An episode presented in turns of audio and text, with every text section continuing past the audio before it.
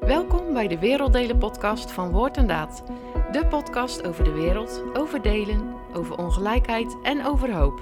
Over grote problemen en klein leed. Over groot beleid en kleine lichtpuntjes. Welkom bij de allereerste Werelddelen podcast van Woord en Daad. Ik ben Rijnke, ik doe marketing bij Woord en Daad en ik probeer de verhalen van ver weg dichtbij te brengen voor de mensen in Nederland. En ik ben Jacqueline.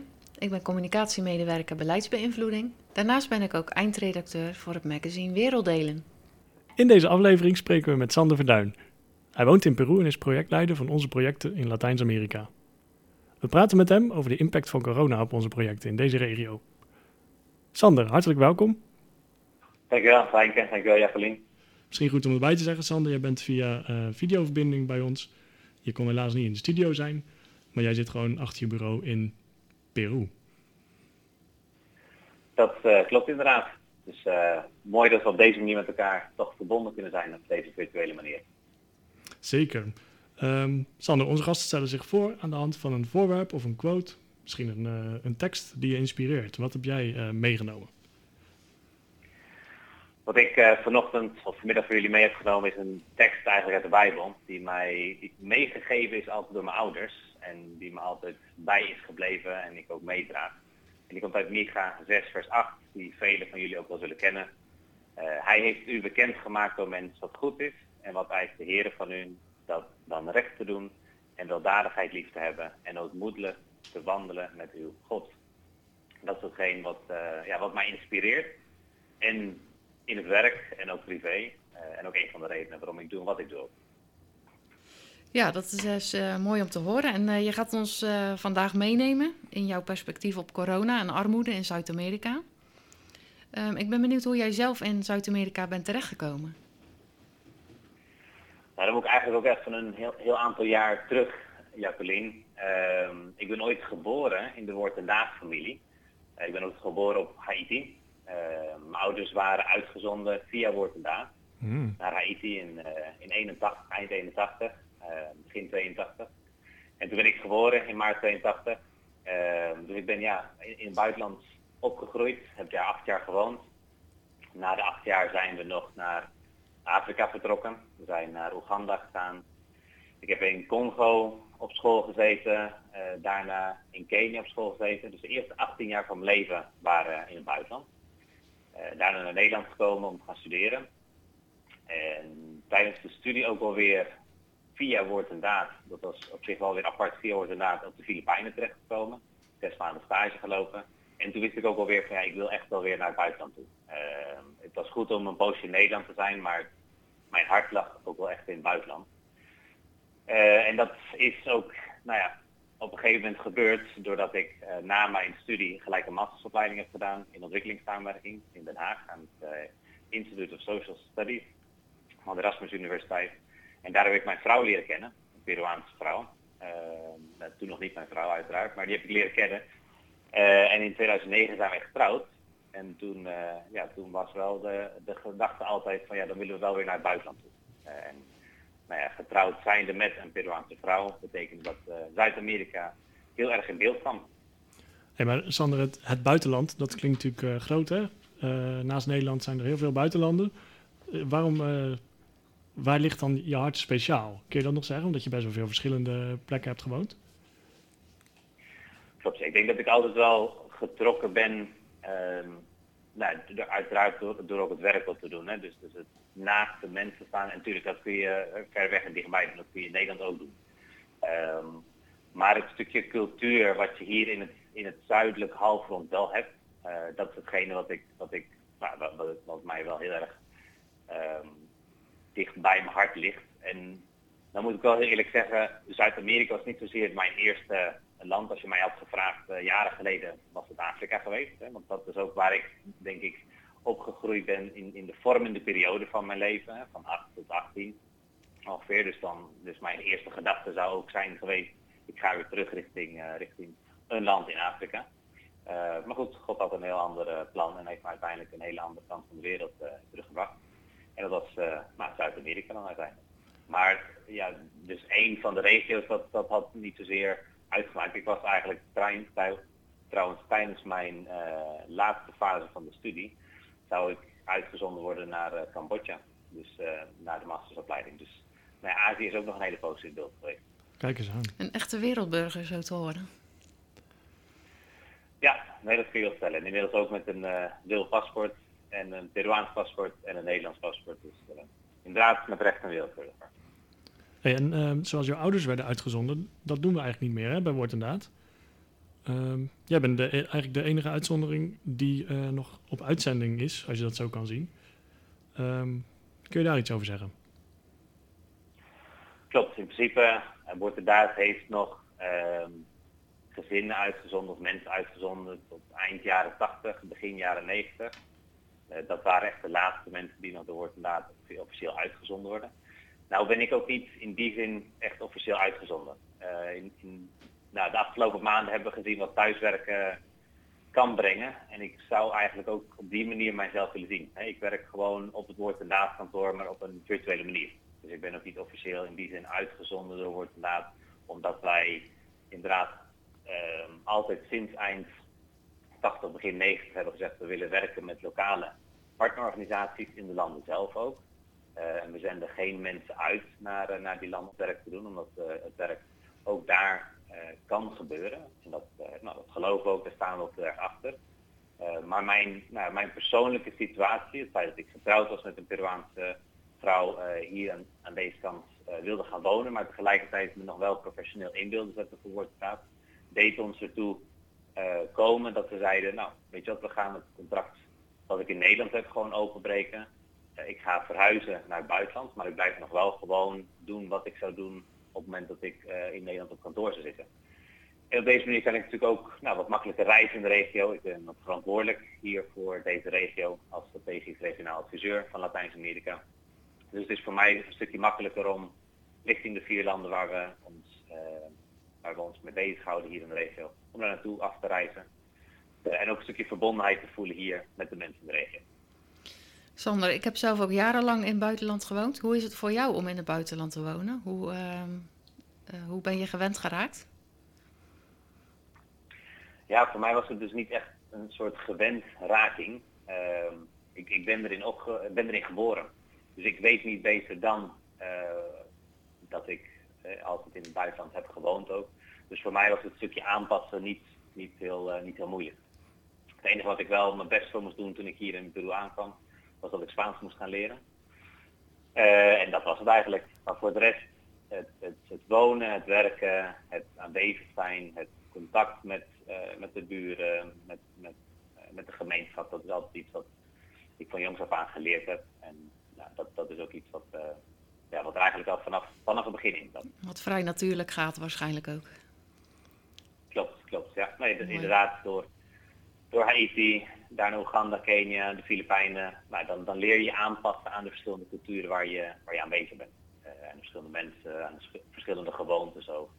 Uh, dus ja, dat, dat ging eigenlijk wel weer vanzelf. Mooi. En wat, uh, wat doe jij precies voor de uh, projecten van Woord Kun je die even ja, kort aan ons uh, voorstellen? Ja, ik ben dus uh, officieel op dit moment regionaal strategisch adviseur, heet dat met een, uh, met een mooi woord. Uh, en dat betekent dat ik me hier in de regio bezighoud met een stukje advies richting de verschillende projecten ook. we werken hier in Colombia, in Nicaragua, op Haiti en in Guatemala. Ehm, daarnaast ben ik ook projectleider van de projecten Onderwijs Guatemala en Onderwijs Colombia als ook ons grotere INCE-project in Guatemala. Dus ik heb drie projecten hier in de regio waar ik als projectleider bij betrokken ben. En daarnaast dus als, um, als adviseur richting onze partnerorganisaties, um, maar ook een stukje netwerk toe met organisaties, met verschillende actoren hier in de regio. Als ook met uh, internationale organisaties die zich bezighouden of die werkzaam zijn hier in de regio. Uh, om daar contacten mee aan te gaan, om te kijken hoe we met hen kunnen samenwerken. En dan kan je iets vertellen over wat je ziet gebeuren in uh, de verschillende landen? En dan in het algemeen, maar ook bijvoorbeeld uh, wat de impact uh, is op de allerarmsten? Nou, zeker in deze coronaperiode. Um, Latijns-Amerika is traditioneel gezien ook echt wel een van de meest ongelijke regio's. Hè? Armoede heb je in Azië, in Afrika, in Latijns-Amerika. Maar wij worden altijd nog gezien als de meest ongelijke regio als het gaat om armoede. En dat zie je eigenlijk ook wel uitvergroot in deze corona-pandemie. Ehm, als we even terugkijken naar 2020, eventjes in algemeen om een beeld te schetsen. we hebben het dan over zo'n zo'n 2,7 miljoen bedrijven die eigenlijk gaan sluiten in 2020, uh, die al gesloten zijn. Ehm, je hebt het over ehm, eh, werkeloosheid, die gaat stijgen met zo'n tot, tot 44 miljoen mensen. Even nagaan, hè. Dus bijna vier keer zoveel mensen als ook in Nederland wonen die, uh, die werkloos raken in, in een jaar met, met corona. Ja. Um, in zijn algemeenheid gaan wij, dat, dat wordt dan nu gezegd, gaan wij zo'n 10 tot 14 jaar terug in de tijd in Latijns-Amerika. Dus alles wat we op hebben gebouwd, dat gaat om armoedebestrijding, om, om werkloosheidscijfers, et cetera. Dat gaat echt weer 10, 15 jaar terug. Kun je daar misschien, sorry Sander, ik onderbreek je, maar kun je daar misschien een concreet voorbeeld van geven? Van, kijk, we zijn natuurlijk bezig met werkgelegenheidsprojecten, uh, mensen aan een baan helpen. Um, ja, wat voor impact heeft dan uh, zo'n pandemie op een individueel geval of op een project van ons? Op effect heeft het heel veel effect en zeker op de individuele mensen ook. vanaf het begin is Latijns-Amerika ook gelijk helemaal op slot gegaan. In, in maart van vorig jaar, toen we de eerste cijfers hoorden vanuit Europa en toen de eerste cijfers bij ons begonnen, toen hebben de overheden hele drastische maatregelen genomen. Wat ook wel moest als we ook kijken naar het gezondheidszorgsysteem. Uh, wat, ontzettend zwak is in, uh, in onze landen. Uh, maar hele drastische maatregelen moesten genomen worden.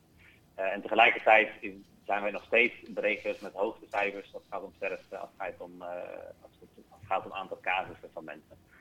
maar dan zie je dus ook dat dat enorme impact ook heeft op het leven van heel veel mensen. die gewoon, ja, als je in een informele economie werkt, als je afhankelijk bent van dagelijks op zoek te gaan naar werk om ervoor te zorgen dat je s'avonds kan eten, uh, ja, dan, dan, dan is thuis zitten uh, is er eigenlijk niet bij. Maar geforceerd wordt, wordt je thuis gezet, om het maar zo te zeggen. Uh, en kun je dus niet dagelijks op zoek gaan naar werkzaamheden. en dus zijn er ook dagelijks geen, is er ook geen eten op tafel. En dat zag je gelijk al vanaf het begin, de eerste weken. Jullie hebben de verhalen ook waarschijnlijk gehoord vanuit Colombia. over mensen die echt concreet honger aan het lijden waren in hun huis. Met vlaggen aan het zwaaien waren van ja, we zitten thuis, maar we hebben helemaal geen eten. Wat moeten we doen? Dat zijn echt ja, drastische maatregelen die genomen worden, maar ook een gigantische impact op, op de levens van, van individuele mensen.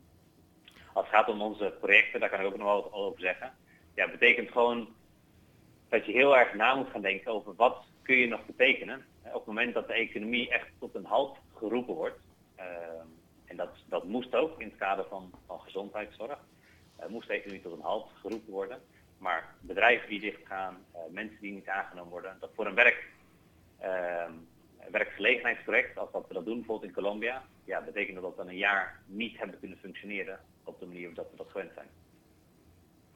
Die informele economie, eh, Sander, waar jij het over had, waardoor mensen dus opeens geen werk meer hebben. Wat voor soort werk gaat dat om? Want daar kunnen wij ons in Nederland misschien niet zo heel veel bij voorstellen ja, je hebt heel veel mensen die, uh, op, op uh, die bijvoorbeeld nou, in, in de rurale gebieden die voor een boer werken, uh, dagjes mensen, nou, vandaag aangenomen om vandaag op het land te werken. Maar ook in de stad ehm, heb je mensen die, die dagelijks wat verkopen, hè, die gewoon op straat rondlopen, ehm, iets heel simpels, een flesje water, een flesje cola aan het verkopen zijn op straat. Hè, die, die s ochtends wat inkopen van een, van een groothandel uh, 10, 20, 30 flesjes cola uh, en die op straat gaan verkopen. Of uh, ijsjes gaan verkopen in zomer. Mm -hmm. Die op de markt zitten. groenten inkopen bij een groothandel. en op de markt dat gaan doorverkopen. dat, dat soort type dingen die gewoon dagelijks moeten gebeuren. mensen hebben niet voldoende geld om voor een maand aan, aan aan, aan, zaken of aan spullen op te kopen. Uh, maar gewoon echt dagelijks dingen moeten kopen en dan weer doorverkopen. Ja, en het beeld wat ik heb bij mensen in landen die vaker ja, toch te maken krijgen met, met nare dingen, is dat ze heel veerkrachtig zijn. En merk jij nu ook iets in de mindset van mensen? Dat die verandert? Of? Nou, je, ziet wel, kijk, wat, wat doet zo'n pandemie wel? Ehm, net, net als dat, dat jullie dat zouden hebben, eh, Rijn Jacqueline, dat heb ik ook, eh, dat hebben de mensen om ons heen ook. Er zijn zorgen.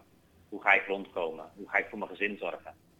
dat, we zijn nog steeds mensen waar we ook zijn ter wereld. En we willen zorgen voor onze kinderen, we willen zorgen voor onze familieleden. Ehm, maar tegelijkertijd, en dat blijft altijd wel heel erg, er is ook een hele hoge mate van, nou, we zullen dit wel weer zelf op moeten pakken. Want er is niet een overheid die, natuurlijk er is een overheid die probeert dingen te doen die ze kunnen doen. Uh, maar heel veel vertrouwen is ook weer niet in Latijns-Amerika. Gezien uh, jaren corruptie, gezien jaren overheidsfalen. Uh, nou, denken mensen toch ook alweer van nou, we moeten het zelf oppakken, we moeten zelf weer de schouders eronder zetten. En zo goed en slecht als dat kan, is dat ook wel weer gebeurd vorig jaar. En dat, die, die veerkracht inderdaad, die ehm, nou ja, toch wel weer de schouders eronder zetten en ervoor gaan.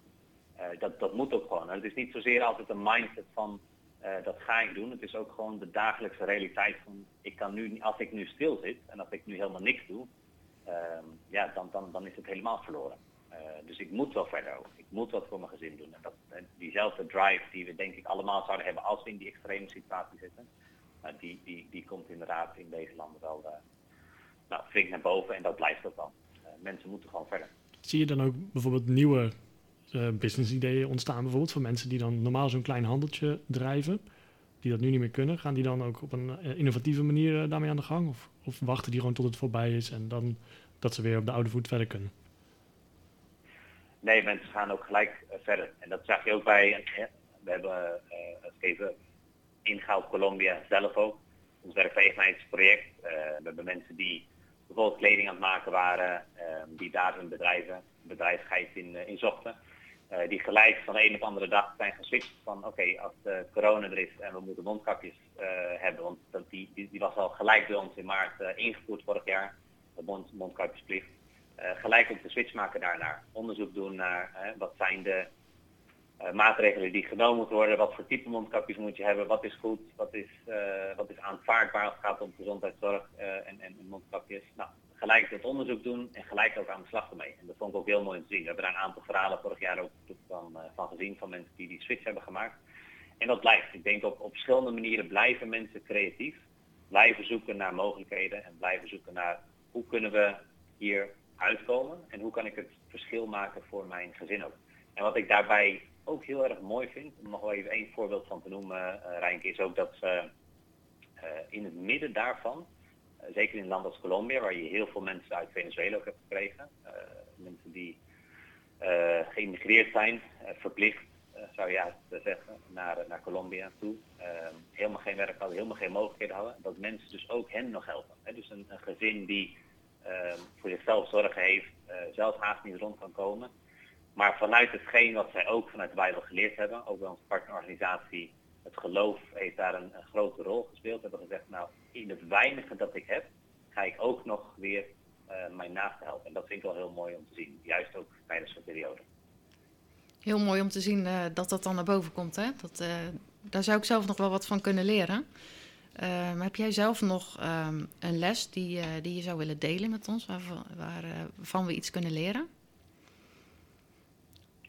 Nou, ik denk ook dat, dat aanpassingsvermogen, dat is iets wat ik heel mooi vind hier in de regio. En dat, dat, dat zie je in uh, Latijns-Amerika, dat zie je in Azië, dat zie je in Afrika, in het, in het zuidelijk halfrond denk ik.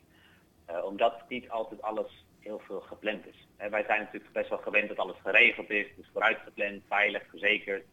We, we, willen gauw vooruit. En dat zie je ook in de laatste weken, dat zie je in de laatste maanden. Ehm, tuurlijk, en nu praat ik heel generaliserend, want ik weet dat we over de hele wereld gezien heel veel moeite hebben. maar heel snel in het in, het, in Nederland, maar ook in andere landen zijn we weer aan het praten over, ik wil weer terug naar het normaal. Ik wil weer gauw mijn eigen dingen doen. Uh, maar hier is men ook wel heel erg gewend aan het aanpassen. De schokken die komen in hun leven. Vandaag is het corona. Een paar weken terug in, in Guatemala en Nicaragua had je de, de stormen even die overkwamen. een aantal jaren geleden heb je de aardbevingen gehad. dat zie je natuurlijk in Indonesië ook de afgelopen dagen. Schokken die die, daar zijn we gewend om, om die te ervaren. En dus je moet je constant aanpassen. En ik denk dat dat ook iets is wat wij met elkaar wellicht deels wat verleerd zijn. Hè?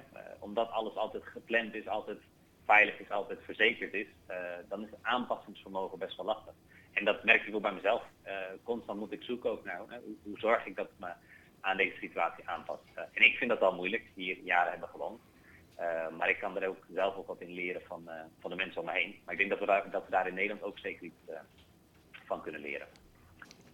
Um, zou je ook nog kunnen stellen dat uh, de coronapandemie in uh, Zuid-Amerika of de landen waar je woont of uh, omliggende landen zorgt voor een geestelijke opleving? Zie je daar iets van terug? Ik denk voor een, voor een deel zeker.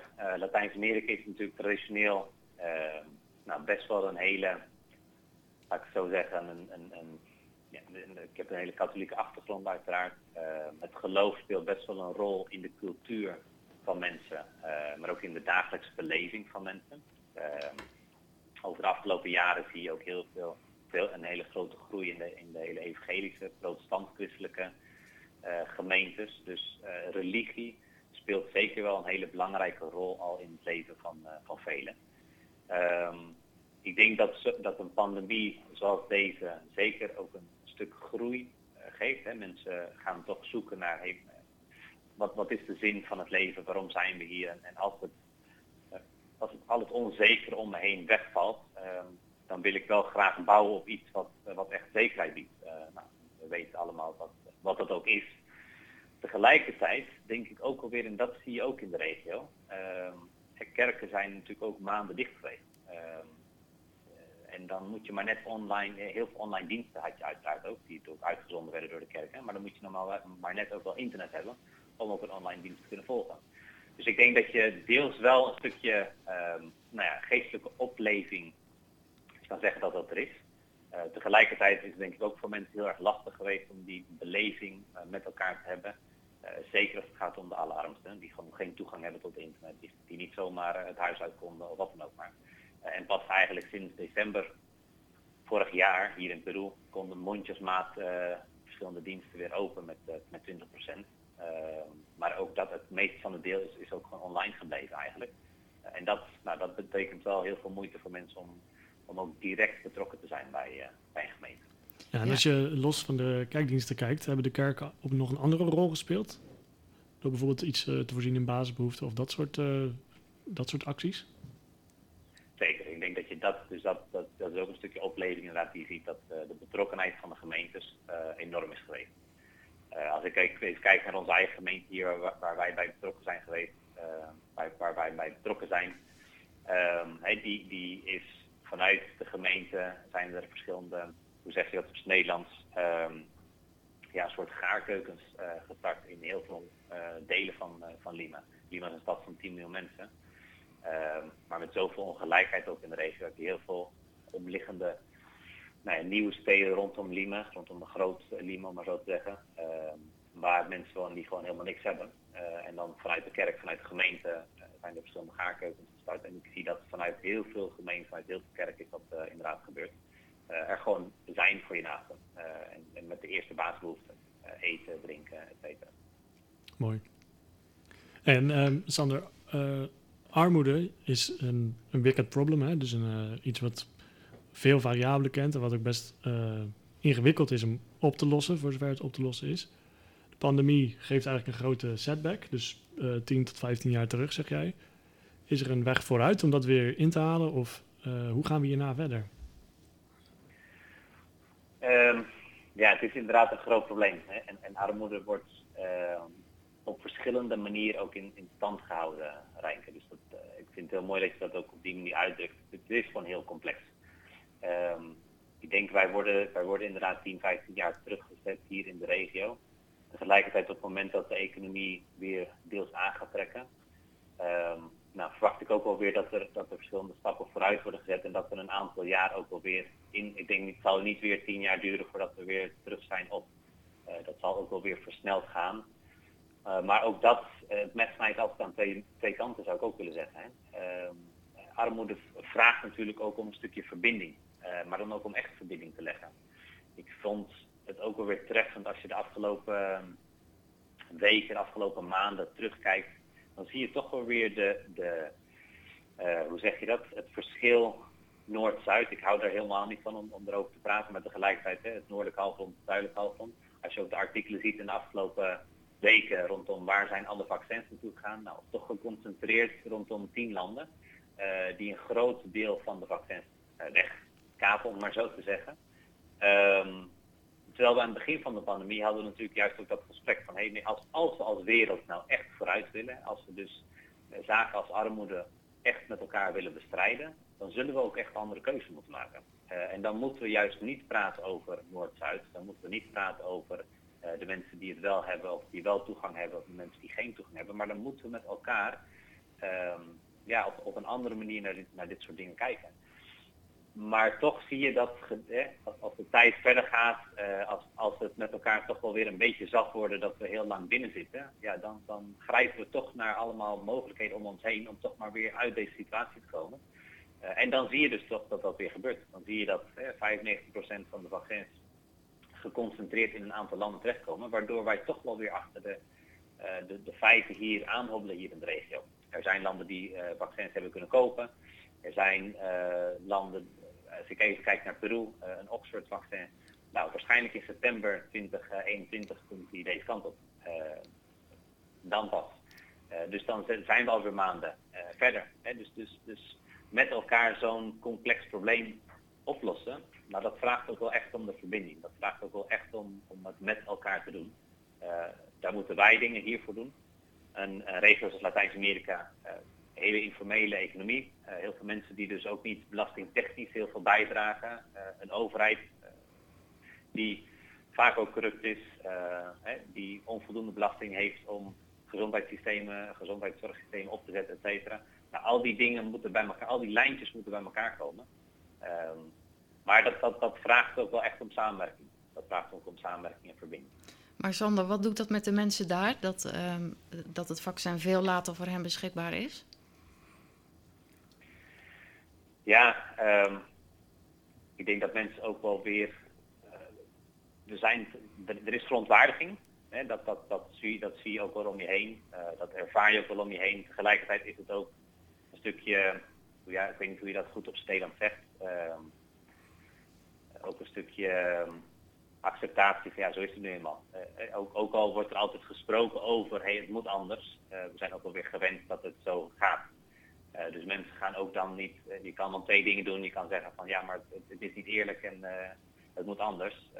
ja, dat geloven allemaal met elkaar dat het moet. maar we moeten ook gelijk weer verder.